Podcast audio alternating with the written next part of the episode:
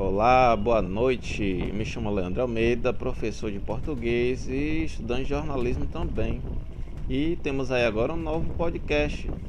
É, esse podcast vamos falar sobre a relação é, educação Bahia Brasil.